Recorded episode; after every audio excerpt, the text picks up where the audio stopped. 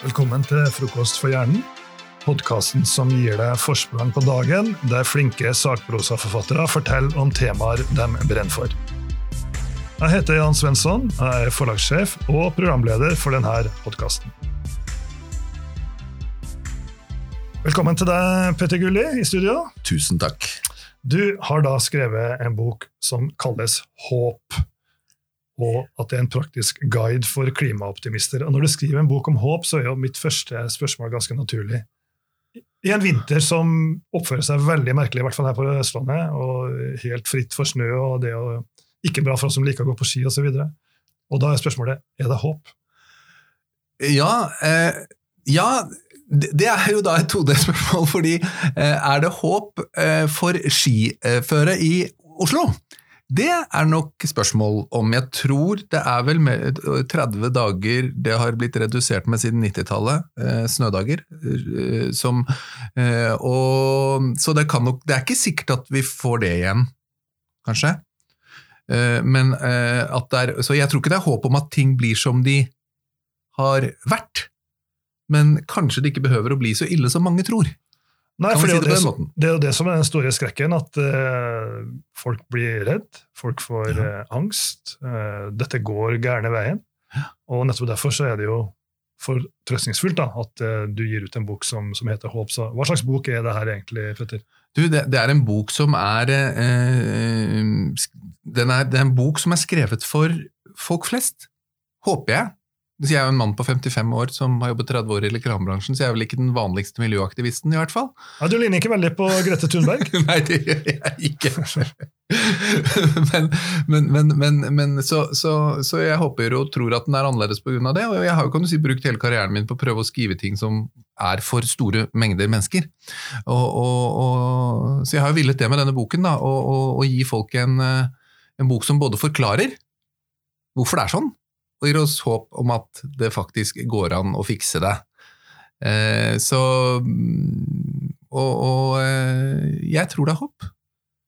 For det skjer så innmari mange ting som skjer, som vi ikke får vite om, og som jeg føler faller, eller kommer litt i skyggen av de store krigstypene som mediene trekker opp. Og, det, og jeg er veldig glad for at de gjør det, fordi lenge så var det jo ingen som skrev om da var det liksom noen i jeg og flere og folk før meg som snakket om dette ikke sant? I, eh, og sa at nå må vi følge med, nå må vi få opp øynene, nå må vi få, se hva som skjer.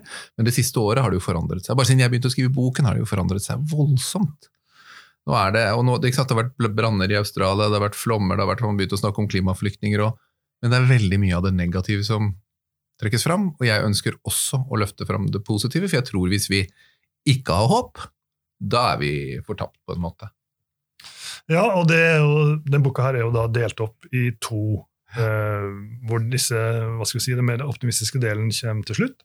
Men først så er det en del som heter brutale sannheter. Og det er jo det du er inne på nå. Det er jo, det er jo virkelig alvor nå. Og det har jo vekt miljøengasjementet hos folk flest. Ja. Men, eh, men hvor ille står det til egentlig?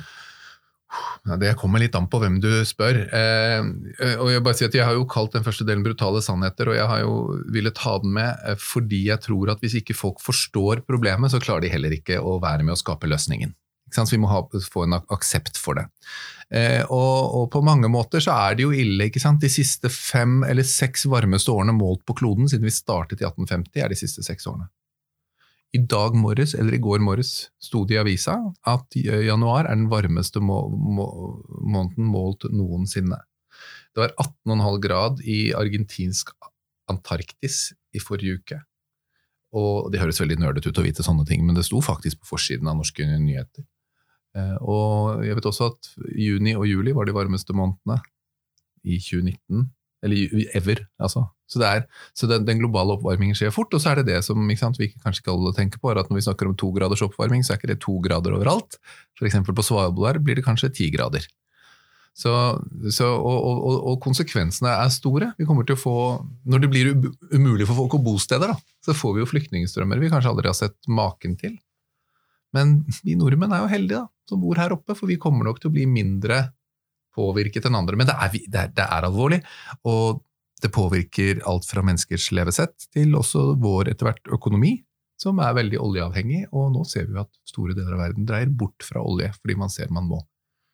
Og du skriver jo i boka her eh, at eh, i Norge da, at vi har bare ti år på oss til å bedre det her, Ja. og at Norge er blant de verste i klassen. Ja. På hvilken måte? Det det kan ses fra, fra flere steder. Vi har jo høye utslipp som kommer av oljeproduksjon, som så man nå gjør det man kan for å elektrifisere. Eh, og så er vi jo I de regnestykkene som regnes ut av, så regnes jo ikke hvilken effekt eh, olje, olje har når den brennes. Ikke sant? Eh, og det er litt som, et, eh, som om Philip Morris, eh, da det virkelig begynte å bli fokus på skadene rundt tobakk, at de skulle si at jo, men vi har fått alt til å slutte å røyke på fabrikken vår. Det er liksom ikke noe, det er ikke noe farlig her. Den byen som vi, Philip Morris-byen er, der er alle friske. Men, men de ble jo bedt om å, de ble jo saksøkt, kan du si, for å, eh, å gjøre folk avhengig.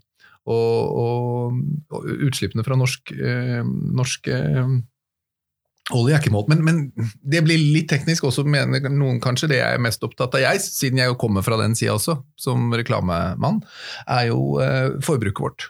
Vi forbruker 1,75 kloder i året. Vi bruker 75% mer enn kloden klarer å regenerere. Mens i Norge og i vestlige land så bruker vi eh, 3,4 kloder. Hvis alle hadde brukt som oss, hadde vi brukt 3,4 kloder. Den norske avfallsmengden i Norge har økt med 56% siden 1995, tror jeg det var. Eh, og, og vi, eh, det er ingen land i Europa som forbruker like mye som nordmenn, bortsett fra Luxembourg. Og det har jeg tenkt at kanskje ikke er et land det er naturlig å sammenligne seg med. Nei, det er ikke så veldig stilig rekord, akkurat det. Så, så, så ditt budskap er at forbruket skal ned, må ned, Ja. eh, for at eh, ting skal bedre seg. Ja, og det, det tror jeg er det, det, det viktigste. Og det er det viktigste og det vanskeligste, fordi jeg hørte på Alltid nyheter, som jeg prøver å få med meg hver dag, på vei på Politisk kvarter i dag, på vei ned til hit. Og da ble, var det en som sa at kanskje folkeopprøret er det nye demokratiet. Nå er det fergeopprør. Men som noen andre sa til meg her forleden, eh, ja, man får ferger. Nye ferger. Større ferger, for det skal alltid bli nyere og større og bedre. Det skal alltid bli nyere, større og bedre. Det mener jeg er en av problemene. da. Vi kan ikke gå tilbake. Og så er det nye ferger som skal gå mye fortere enn før. Som bruker kanskje like mye bensin som et fly. Eh, og så kjører de én passasjer. Og to passasjerer som slipper av på hver øy. Og det er fint. Jeg har ikke noe problem med distrikt, eh, distrikt og det der, så det må ikke bli en politisk sånn, men det, men det er liksom en sånn hele tiden skal alt bli større, bedre, raskere. Og det har vi kanskje ikke råd til. Og så skjønner jeg da at folk som ikke bor på Grünerløkka har to milliarder kollektivtilbud rundt seg, og, øh, og som lever vanlig familieliv i distriktene i Norge, ikke skjønner hvordan de skal klare å møte de kravene som man kan av og til føle stilles, da, hvordan vi skal leve korrekt, naturvennlig. Men for, forbruket eh, må ned, og det er jo ganske enkelt å gjøre noe med det. F.eks. når det er snakk om klesbudsjettet i hver familie. Altså, du skriver jo at eh, her i Norge så eier vi i snitt 359 plagg hver. Da har vi litt å gå på. Vi har veldig mye å gå på, og, og klesbransjen, tekstilbransjen, er en av verstingene i verden når det kommer til klimautslipp. Men, men og ikke bare det. ikke sant? Vi, hvis vi begynner å snakke naturmangfold i tillegg, altså hvordan vi, vi bruker arealet på land på å dyrke økologisk bomull, på å dyrke bomull på øh, Og så putter vi det bare i et skap. Altså Fretex får 25 tonn med klær inn hver eneste dag. Og veldig mange av de klesplaggene har lappen fra butikken på fortsatt. De er kjøpt, men aldri brukt. Det er ganske skremmende å tenke på. Ikke sant? Vi har en sånn så Jeg pleier jo å skrive mye om at vi må passe oss for salgsfella. Fordi eh, vi eh, Jeg gikk jo ordentlig i den, som du vet, en gang tidligere selv. Jeg hadde vært på langt tilbake i tid, men jeg hadde vært på jeg var på Aker Brygge, tror jeg. Og så løper jeg hjem eh, skal, eh, på formiddagen etter lunsj, og så ser jeg, skal rekke T-banen, men så av en gang svinger jeg gjennom HM, og da ser jeg skilt som sier jeans 98 kroner. Jeg røsker med meg tre stykker, raser inn i et prøverom, bare drar den på av, det så fint ut. Skal ut om kvelden og ta på meg de nye jeansene mine, og så ser de litt rare ut. De passer veldig dårlig, spesielt rundt livet og rumpa. Så ser, leser jeg inn i jeansene, og så står det 'Jeans for women'. Uff da. Så jeg hadde kjøpt tre par damejeans, og det er bare fordi jeg gjør det alle nordmenn gjør, som jeg kaller salgsfella. Du senker garden når du er på salg. Du tillater å kjøpe ting raskere. Det passer kanskje ikke helt, det går sikkert bra. Jeg blir sikkert fin i det, og så blir det bare hengende i skapet. Og apropos jeans, det er ikke akkurat noe miljøvennlig plagg i utgangspunktet. Det kreves da, som du skriver, eh, 7000 liter vann for å eh, Mm. lage et par jeans. Ja. Det er det. Og det, og det også 7000 liter vann for å produsere partien. Så det er klart at i, i, Norge så ser vi ikke på dette med vann som et stort problem. Vi er vant til at vi har vann overalt, og det er jo fint. Men det finnes jo land hvor vann er en særdeles eh, knapp ressurs. Og det er veldig mye av det vi produserer. Når vi tenker at vi ikke klarer engang å resirkulere dette her, ikke sant, ordentlig, så, så, så, bruker vi masse, masse vann som kunne brukt, vært brukt til å vanne åker og gi folk noe å drikke, til å lage ting som folk pælmer. Og det høres jo ikke spesielt smart ut. og Noe av det verste jeg ser, er jo sånne filmer når du ser at de, de, de, de tar jeans, og så røbber de dem med steiner. De gjør, altså At jeansene skal lages slitte, sånn at vestlige folk skal se kule ut og ha hull på klærne sine. Det finnes ikke et fattig menneske i verden som ville blitt sett med sånn. Det går på selvrespekt. Man ser bra ut, og man reparerer, man ser ordentlig ut. De menneskene som har få plagg, jeg skal love deg, de plaggene ser kjempebra ut, og jeg har sett det. Blant annet i Nicaragua. Ja, et par andre steder også. Og så er det dette med, med, kosthold og mat og matsvinn. Det er jo sånn at Kjøttindustrien står jo for langt mer utslipp enn eh, flytrafikken på verdensbasis. Ja. Uh, og da er jo, nå er det jo blitt mye bevissthet rundt dette med kjøttfrie måltider. Da. Og på et tidspunkt så het boka di nå heter den Håp, men den het Pannekaker kan redde verden. Den gjorde det, og det er en av mine favorittsetninger. Jeg bruker den, eh, Det kommer nok kanskje en kronikk eh, veldig snart som heter 'Pannekaker kan redde verden'. Ja, ja. Men, og, og, jeg bruker den når jeg holder foredrag mye. fordi eh, Boken er bygget på noe jeg kaller pannekaketeorien, og den, den, har en bakgrunn. Eh, for noen år siden så fikk jeg en tweet eller jeg fikk en tweet, jeg så på, på Twitter en, en, en, et bilde eller en slags ukeoppsett på en meny som var sendt ut av en svensk bistandsorganisasjon hvis man ville spise veldig miljøvennlig. Bare ha altså lavt utslipp som mulig. Og, og, den menyen eh, den var jo veldig mye mat som jeg ikke hadde hørt om før, og som var eh, ikke så veldig lett ut å lage. Og det var, som jeg pleier å beskrive den, en mur av tofu, grønnkål og linser. Eh, og sikkert fint hvis du var et par veganere som bodde sammen, var under 30 år, jobbet 60% ikke hadde barn og bodde på et småbruk. Kjempefint. Men, men for meg som er en vanlig familiefar og står som nordmenn flest halv sju på Rema 1000 på ettermiddagen og lurer på hva vi skal til middag, for jeg klarer ikke å planlegge og handle sånn som jeg har hørt er riktig bare på lørdagene, så var det der helt umulig. Og på et eller annet tidspunkt så slo det meg bare at ja, men herregud, hvorfor skal vi gjøre det så vanskelig for folk? Pannekaker er jo kjøttfri mat. Pannekaker kan redde verden. Altså, Jeg har en datter på tolv år, hun kan få favoritt, fire favorittretter i uka som alle er kjøttfrie, og som alle kan lage. Og jeg kan komme på fem til, og du, sikkert, du som hører på, har sikkert uh, dine egne, men min datters favorittretter er da pannekaker, risgrøt, tomatsuppe med makaroni og fiskegrateng. Så det er klart, sender vi det ut som en meny til det norske folk, uh, så kommer snart, så blir miljøpolitiet fornøyd. Og spesielt, Du kan vi hive på en helt annen ting, andre ting også. Vi kan ha røkt kolje, det er en annen favoritt hjemme Og så videre, Masse fisk. Men det er klart at så kommer kanskje sunnhetspolitiet og banker på døra, men da bare holder vi oss for ørene og så sier vi la, sier vi liksom, så kan vi, vi starte der, og så kan vi introdusere de vanskeligere rettene etter hvert, istedenfor å spenne opp en sånn kjempebue, et hinder som ingen klarer å komme over. Vi er nødt til å gjøre det enkelt for folk å være med. Vi må gi folk lyst til å være med i det grønne skiftet, og da må vi hjelpe dem i gang. Og holde dem i hånda, og ta dem med oss inn, tenker jeg. Ja, og det er en fin bro til del to i boka, nemlig fantastiske muligheter. Ja. Det er faktisk mulig å gjøre nå, både små ting og store ting. Og det er jo litt tips også i den brutale sannheter-delen av boka, for ja. å ikke gjøre det altfor mørkt. Ja. Og et tips som jeg satte veldig pris på, som ikke er verdens største hageentusiast, det er at du kan ikke trenge å klippe gresset så veldig ofte. Jeg, jeg syns at det er egentlig utrolig morsomt, det tipset. Fordi det, altså, det er litt som pannekakene. Det, det, er, det, er, på en måte naturens pannekakedel. Fordi eh, det tar tak i noe vi Jeg kjenner ingen som liker å klippe gresset. Altså, det gjør jeg ikke. Um, og, og, det er så fantastisk når vi kan gjøre ting som er noe vi ikke syns er gøy. Og så kan vi si at du trenger ikke gjøre det, for det er bra for miljøet. Det, det, er fint, det. Og det er litt som pannekakene. ikke sant? Pannekaker er jo kjempegodt, sier folk. Ja, det er jo det. Det kan være kjempe... For sånn, Å ja, jeg trodde sånn mat måtte være vond. Nei, den må ikke det. Og det samme som deg. ikke sant? Ja, du kan slippe å klippe gresset, du kan slippe hvis folk maser på deg. Du må bare aldri fortelle sønnen min på 18 at han må aldri få høre dette, for han, han, må huske at han skal klippe gress innimellom. Men det er, ja, nei, jeg liker de tingene der som er sånn Oi, så det var noe som ble bedre òg? Ja, masse som ble bedre. Og når det gjelder fantastiske muligheter, da, så er det jo eh, veldig mye positivt som skjer, ikke minst innenfor fornybar energi. Ja. Og det er um, Fornybar energi er veldig spennende. Det kan sånn Jeg tror faktisk det står bak på boka at en av de tingene som skjer her, og det var sånn, skal jeg ha med det der? Det høres jo litt kjedelig ut at uh, prisen på fornybar energi faller som en stein, men det er så viktig. Det er så viktig på så mange plan, fordi eh, prisen på solenergi hvis jeg husker rett, har falt med over 80% altså prisen på å produsere det har falt med over 80 de siste ti årene. Eh, vind eh, tror jeg er på mellom 40 og 50% Og Det interessante her er at dette blir litt teknisk. Da, det internasjonale energibyrået, IEA, tror jeg Ja, International uh, Energy Agency. De har ikke klart å predikere og spå denne veksten.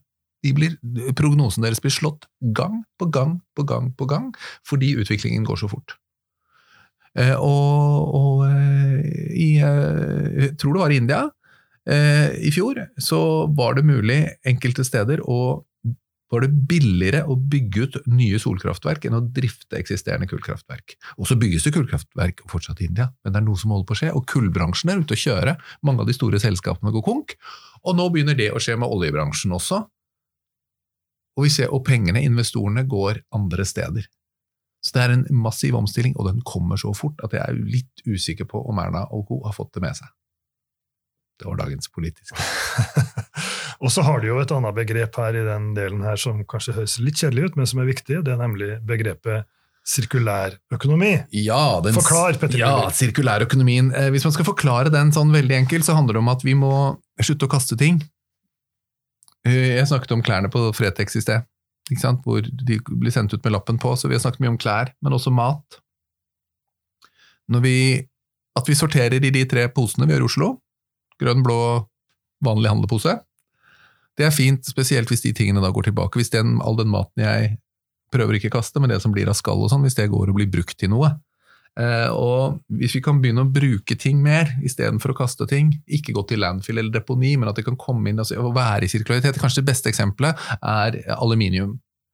Aluminium eh, er eh, et av verdens mest resirkulerbare materialer. og du beholder, Det er et fantastisk materiale, for hvis du resirkulerer aluminium, så beholder det all styrke. Det har de samme egenskapene som ny aluminium, så vidt jeg har skjønt. Og så tar det bare 5% av energien å resirkulere det til ny aluminium som det tar å produsere ny aluminium. Men da må vi jo få det inn. Hvis det skal være sirkulært, hvis vi kunne gjøre det, så må vi jo få det inn. Det er bare tre av ti av de fatene, de, de aluminiumsfatene som vi får, som du f.eks. får laks i, som blir resirkulert i dag. Eller sist de målte, så vidt jeg, i hvert fall de, de tallene jeg har klart å finne. Bare tre av ti nordmenn som gjør det. Det betyr at syv av ti fat blir kasta. Og da, som jeg si, da er ikke det noen unnskyldning med sirkulær økonomi, da er det ren idioti folk har ildfaste former hjemme. Hvorfor skal vi kjøpe Hadde farmor hadde daua altså, Det er et eget kapittel som heter Hva ville farmor ha sagt? Hadde jeg fortalt farmor at vi skulle kjøpe et nytt fat hver gang vi skulle steke laks, så hun, hun hadde ikke trodd på meg. Og I dag er det en selvfølge, så vi blir helt blinde av dette forbruket. Så vi må prøve å få disse tingene tilbake i sirkularitet. Da. Eh, det betyr at, vi, sant, at det, det, det, alt går tilbake og blir nye ting. Så vi ikke graver flere hull i kloden, for vi nå vi tar ut tre ganger så mange ressurser nå som vi gjorde for 40 år siden av kloden vi bruker 75% mer enn den klarer å regenerere i løpet av et år av ressurser. Og da snakker vi jo om å hente ut jomfruelige ressurser, ikke sant? ting som vi ikke får tilbake. Men det blir jo et veldig ansvar på hver enkelte her, da. Eh, er det nok? Nei, jeg tror, eh, nei, jeg tror ikke det er et ansvar på hver enkelt, for helt ærlig. Jeg tror dette er et, først og fremst et næringslivs- og et politisk ansvar. Eh, vi skal komme tilbake til på slutten hvordan du kan påvirke det men som enkeltperson. Men, mm. men, men jeg mener at det vi gjør sirkulært hjemme altså vi, vi må ha ordentlige ordninger. Hvis vi ikke tror på at uh, søpla vår blir resirkulert ordentlig, at plasten går tilbake og blir plast, at matavfallet blir til noe som jord eller noe, så mister jo vi helt motivasjonen. Det er jo ikke din og min jobb å sørge for at ting kommer tilbake. Eksempel med, som vekket meg rundt dette med dette her, og Ikea er jo har lært oss å kaste HMO på en måte, og kanskje de kan lære oss å gjøre noe annet. De har jo spennende ting de gjør nå. Men, men jeg har et eksempel med en Billy-hylle som jeg skriver om i boka, som jeg kjøpte. Jeg husker Det vekket meg så veldig. da. Jeg hadde flyttet sammen med hun som er kona mi nå, og da hadde jeg en Billy-hylle til overs. Den var forholdsvis ny, jeg var tre-fire år gammel. Så skulle jeg prøve å selge den på Finn, det var umulig. Prøve å gi den bort på Finn var umulig. Ta den til gjenbruksstasjonen på Grefsen umulig. De ville ikke ta den imot. Der hvor man kunne levere ting som kunne Jeg kunne få lov å kaste den, men jeg kunne ikke få lov til å gi den bort der, fordi ingen ville ha dem. Og det er jo ikke rart. Det kosta 500 kroner for en ny en. Men hvis, kan, hvis Ikea kan ta de tilbake, sånn som de planlegger, enten pusse dem opp og selge dem i brukt i det som heter bruktkroken, eller hva det er. Altså de har, Ikea kjøper tilbake, fins nå. Det testes ut i Norge, blant annet. Og, og, eller hvis de tar den tilbake og maler den opp til spon, til ny spon, og så lage nye hyller, da er det sirkulært. Da blir ikke de, de ressursene går ikke til grunne. Vi trenger ikke å male opp flere trær for å lage nye spon, vi kan bruke alt det vi har kasta. For det er vel et clou uh, her at uh, når det blir business å være klimavennlig, da, da er det håp. Ja, og det er eh, Takk for den. Eh, fordi eh, det var, ble jo satt en verdensrekord i fjor, som jeg syns er veldig morsom. Og det er at eh, Etiopia klarte å plante 350 millioner trær på tolv timer. De, de slo den gamle rekorden til India med sjugangeren. Og når stater og store selskaper begynner å konkurrere om hvem som er mest bærekraftig, og så legger vi til side grønnvasking og alt, det er en egen debatt, ved siden av, men, men reelt begynner å konkurrere om hvem som er best, da, da begynner det å bli gøy. En, en, en, ting som kom inn i boka helt i siste liten, det var jo apropos sirkulærøkonomi og sånne ting, var jo at uh, det er et uh, Det syns jeg bare er gøy, da. Det handler om å, å fange karbon. Uh, men det er også en slags Istedenfor å sende ut i atmosfæren og bruke den til noe, det er et uh, lite destilleri i New York som er, holder til et industriområde, og de, får, de fanger da karbon fra pipene på fabrikkene rundt seg og lager vodka. Ah, er, ikke, forklar, ah. ikke spør meg hvordan, hvordan de lager vodka ut av tynn luft. Og I Finland finnes det et selskap som heter Solarfood, som, som, som samarbeider med NASA.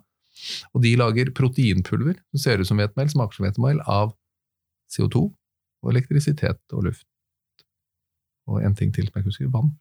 Men altså, det er sånn Hæ? De NASA mener at det kan kanskje mette veldig mange mennesker, og det kommer i proteinshaker, og det kommer i yoghurter. Jeg skjønner ikke hvordan, men det er jo helt fantastiske greier. Ja, og det skjer, det skjer, veldig mye bra og positivt eh, også her hjemme. Du, har, eh, du, trekker frem noen du kaller eh, de norske heltene. Ja, jeg tenker jo det at vi må finne ut dette evige diskusjonen om hva vi skal leve av etter olja. Og jeg skriver også at um, det er ikke én ting, det er mange. Vi kan ikke lete etter den ene store, det var olja, det. Det vi skal leve av nå, er mange små ting. Og det skjer så mye spennende på spesielt nå, tenker jeg det skjer mye nyskapning på mange plan, men når jeg er opptatt mest av det som har med klima og, og sånn å gjøre i de boken, så skriver jeg jo om eh, Jeg har plukket ut elleve norske bedrifter som jeg syns er eller selskaper eller virksomheter som jeg syns er helt fantastiske. Og så, og så, jeg, eh, så, nevner jeg en del til i tillegg. og Mye av dette kommer fra Innovasjon Norge, som har en veldig fin nettside. Jeg har lov til å fortelle om det, håper jeg. Det er ikke reklame, ja, som heter The Explorer. og Det er en sånn matchmaking-side mellom eh, investorer og norske oppstartsfirmaer innen grønn teknologi. Og Det er veldig han Tinder for næringsliv, altså. Det er, og det syns jeg er veldig, veldig kult. Eh, og så Veldig mange av de jeg skriver om, er der. Og Det er alt fra selskaper som jobber med karbonfangst Nei, ikke karbonfangst, sorry. Og så er karbonfangst igjen. Du kan ikke si det så mye. Folk ikke hele tida. Ikke, nei, ikke og det er liksom, det, vanskelig ord er det. Nei da. Det, det, er noen som hjelper deg å ta bort klimaavtrykket ditt, det er noen som hjelper deg å fjerne plastavtrykket ditt, og får, starter ting i andre steder i verden hvor man kan da trykke plass. Men det er også sånne ting som en del selskaper som påvirker forbruket vårt, sånn som Too Good To Go, som henter mat, eh, overskuddsmat. ikke sant? De har en, en million brukere i Norge. Du har sånn som Tice, brukt klær-appen ja, ikke sant? Her eh, har Mona kjøpt sko på Theis eh, som hun sitter med i studio her nå. Og 80% av jenter mellom 18 og 24 i Norge har en Theis-bruker. De har 650 000 brukere i Norge. Og det som skjer nå, man da begynner, og så er det noen som sier, jeg har snakket med noen unge folk, og de sier at de bruker ikke Theis fordi det er miljøvennlig, de gjør det fordi det er billig. Så, men, men det, også, det skaper nye forbruksmønstre i Norge. Og så må jeg fortelle om Bua, som ingen har hørt om nesten. Låne ut gratis sportsutstyr. De har 120 utlånssentraler rundt i Norge. Som er, det er gratis, og det er nytt og fint system for å kjøpe en sånn padlebrett du kan stå på, for eksempel, som noen driver med, som jeg syns ser litt rart ut, og jeg gjorde det på 70-tallet. Men de, hvis man lurer på om det er gøy, så er det kanskje litt gammeldags å kjøpe det. Finne ut at det ikke var gøy, og putte det i garasjen. Og jeg tror vi nordmenn har hatt et litt sånt forhold til sportsutstyr de siste åra. Og jeg må prøve topptur, og da må jeg ha det fineste utstyret. Gå på bua, lån det. Er det gøy, så kan du kjøpe det. Det, og, så, og det gjør at hele måten vi kjøper og handler varer på, endrer seg. Apropos det, har du lånt en drill i det siste? Jeg lånte bort drill! Jeg lånt bort drill, Jeg lånt bort drill. Altså, en, en, en, norsk drill brukes vel i snitt 13 minutter I løpet av sin, i løpet av sin levetid. Nettopp. Og Det er sånne ting jeg tror jeg har eh, og, og, og jeg tror det er viktig å spre sånne ting ut. Jeg har jo hørt dem lenge, men, men jeg, tror, jeg vet ikke om alle har, har de, der, de små, enkle tingene der som, som skaper ordentlig refleksjon. da. At det er jo helt ko-ko. Det er jo helt idioti. Eh, Og, og Apropos Bua, de har jo nå gått inn i borettslag også, sånn at du kan låne altså låneutstyr for ski til, til borettslag. Jeg tenkte, Vi hadde en, et forslag jeg jobbet i et reklamebyrå, vi foreslo for Felleskjøpet faktisk, at de skulle gjøre det samme med noe som vi skulle kalle for Fellesskapet. At borettslag kunne ha et fellesskap med verktøy som fe- Felleskjøpet fylte på. Og det samme med hvis du bor i et sånn som jeg bor i en blindgate med 20 hus. Vi kunne hatt ett felles redskapsskjul, egentlig. Eller så kan vi gjøre sånn som jeg sa til eh, Jeg tror faktisk at jeg skriver det i den boken her, ja, at vi kan man jo egentlig bare ha en Facebook-side for gata, så kan man fortelle vet du hva, jeg har kjøpt ny drill, nå trenger ingen av dere gjøre det. Fordi vi, vi eier, Når hver eh, mann og kvinne skal eie en egen drill, en egen vinkelsliper, en egen eh, stikksag, bare for å holde oss på verktøyet litt ikke sant? Altså, det kan vi, det, altså En grensaks, hvis du bor i, er så heldig at du har trær og sånn. Altså ja, du trenger kanskje noe til å holde på i din egen hage. Jeg skjønner at jeg vil eie mine egne ting, men altså de unge folka de holder på å gå bort fra det der. Det er bare vi gamliser som holder på sånn 'jeg må eie alle tingene sjøl'. Nei, det er veldig mange sånne ting vi kunne delt. Og det, igjen, det er så enkelt! Det er så enkelt! Du, vi trenger ikke, du trenger ikke gjøre om livet ditt for å få til de greiene der. Du kan bare gå over til naboen. Da får du hilst på noe. Veldig mange gode ting på, på en gang her, Petter. Vi eh, må nærme oss en eh, konklusjon. Ja. Du har lovt meg at du har de helt store tingene helt til slutt. Ja, altså, i boken så, Siste kapittel i boken heter 'Din stemme teller'. Det er ganske talende. Eh, Det er faktisk en ting jeg ikke har skrevet nok om kanskje i boken, er jo at din stemme teller det sånn som vi gjør nå, at man faktisk forteller om ting til andre. Det er viktig. Men, men, men, men det er noen ting vi kan gjøre, alle sammen. Og, og, og det er noe som heter at alle kan gjøre litt, og, men ingen kan gjøre alt. Eh, men jeg tenker eh, kanskje vi skulle snu den setningen til å si alle kan gjøre noen store ting, så slipper vi å gjøre alt. Fordi det er et par ting, hvis jeg skulle komme med mine tips, da, eller hva jeg syns vi burde gjøre, og som ikke er vanskelig. Det ene er kjøpe dyrere ting og mye færre ting. Vi bruker mer penger på de tingene vi kjøper, kjøpe ting av ordentlig kvalitet som varer lenge, og bruke tid når vi handler. Gjøre det. Finn de tingene som varer. Så to, slutte med alt som er dust. Jeg skrev ikke dust, det sto først, jeg tror i boka, så det unødvendige ting i boka, men alle de tingene vi ikke trenger i det hele tatt å gjøre. Sant? Slutt med alle de som Gå i den derre salgsfella som vi snakket om i sted. Senke garden. Alle de tingene der. Eh, slutt med sånn som blå skoposer eh, når du er hos eh, tannlegen din. Bare la være. Det er bare for at du ikke gidder å vaske. Det har ingenting med hygiene å gjøre. Altså, det er mange sånne ting som, som vi bare gjør fordi vi er blitt vant til det. da. Og som vi egentlig ikke kommer til å merke noen forskjell på om forsvinner. Dropp det. Slutt å kjøpe ting for tre for to, for eksempel. Du blir bare lurt. Og det ender med at den siste hamburgerpakka den blir ikke stekt, og så kaster du mat i stedet. Men så kommer de to viktigste tingene. En er bruk stemmeretten din.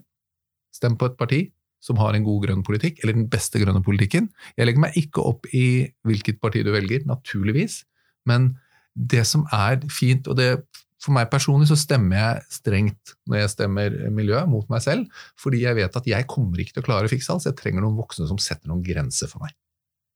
Og det kan man gjøre ved å bruke stemmeretten, og det er faktisk det aller, aller viktigste. Gjør du det, så kan du Jeg skal ikke si at du får lov til å synde masse, men, men, men da skjer endringene. Og det andre er at du skal bruke forbrukermakten din, som du har ved å stemme når du bruker visakort eller eh, mastercard eller ja, hva du nå enn bruker. Dette er jo ikke en konkurranse i reklame. Eh, men, men på å faktisk eh, stemme på, i anførselstegn, eh, de bra bedriftene og de bra merkevarene når du kjøper varer og tjenester, og boikotte de som er dårlige. De to tingene alene, stemme ved valg og stemme med betalingskortet ditt, de kan føre til systemiske endringer. De kan gjøre at vi får strengere grønn politikk, og at vi får dårlige selskaper til å gå ut av business. Og det er det viktigste du gjør. Så kan du gjøre som meg og redde de single bananene. Du kan gjøre som Jan og og meg, og meg, og klippe gresset ditt eh, sjeldnere. Og, og, og mange andre av disse små tingene, f.eks. droppe flaskevann. Det er jo helt idiot i Norge. Det trengs ikke. Veldig bra, Petter Gulli. Da fikk i hvert fall eh, jeg litt håp om at dette skal gå bra. Håper lytterne har fått med seg det samme, og da ønsker vi fortsatt god dag. Takk.